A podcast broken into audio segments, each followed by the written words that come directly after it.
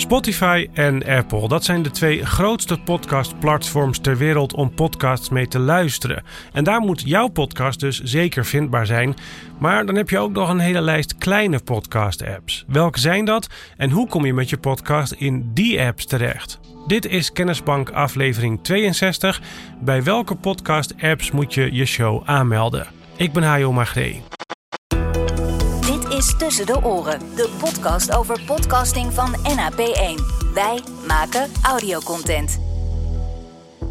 Het podcastlandschap, het podcast-ecosysteem zit een beetje raar in elkaar. De podcast is oorspronkelijk een uitvinding van, van Apple, wou ik zeggen. Maar zo is het eigenlijk niet. Apple heeft het als eerste omarmd.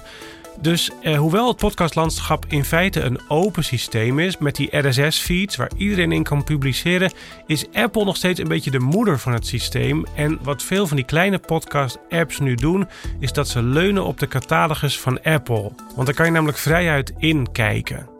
Om even een paar van die andere podcast-apps te noemen: Stitcher is er een van, maar ook Acast, Amazon, Odyssey, Audioburst, Bullhorn, Castbox, Deezer, iHeartRadio en Overcast. En dat betekent dat als je je podcast hebt aangemeld bij Apple, dat je podcast vrijwel automatisch in die andere apps terechtkomt. Of in ieder geval zou moeten komen. Wil je daar nou 100% zeker van zijn dat dat ook daadwerkelijk gebeurt, dan kan het geen kwaad dat op zijn minst te controleren en als je nog een stapje meer zekerheid wil inbouwen, zou je je podcast ook nog actief kunnen aanmelden bij een aantal andere apps.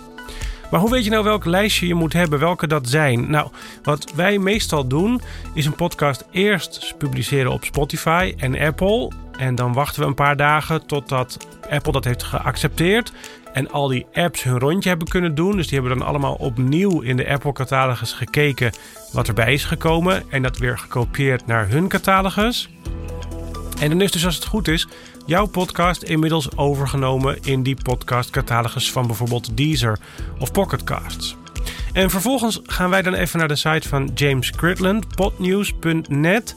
En daar zoeken we onze nieuwe podcast op. Want wat James heel handig voor ons doet, is een lijstje bijhouden van alle podcasts die er wereldwijd bestaan. En hij checkt ook nog eens in welke podcast-apps die podcast allemaal te vinden is. En dan heeft hij erbij gezet waar jij je podcast nog kunt aanmelden, waar je nog ontbreekt. En mochten we daar dan iets zien wat we nog missen, dan gaan we even naar de site van die specifieke app en dan zoeken we daar naar het knopje handmatig aanmelden en dan melden we onze podcast daar nog met de hand aan.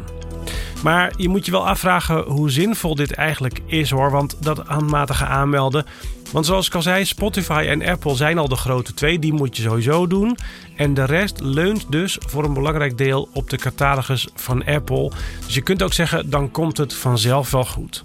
Dat was het. Je kunt de informatie uit deze aflevering ook terugvinden in de podcast Kennisbank op onze website. Dit was Tussen de Oren van NAP1. Wij maken audiocontent. NAP1.nl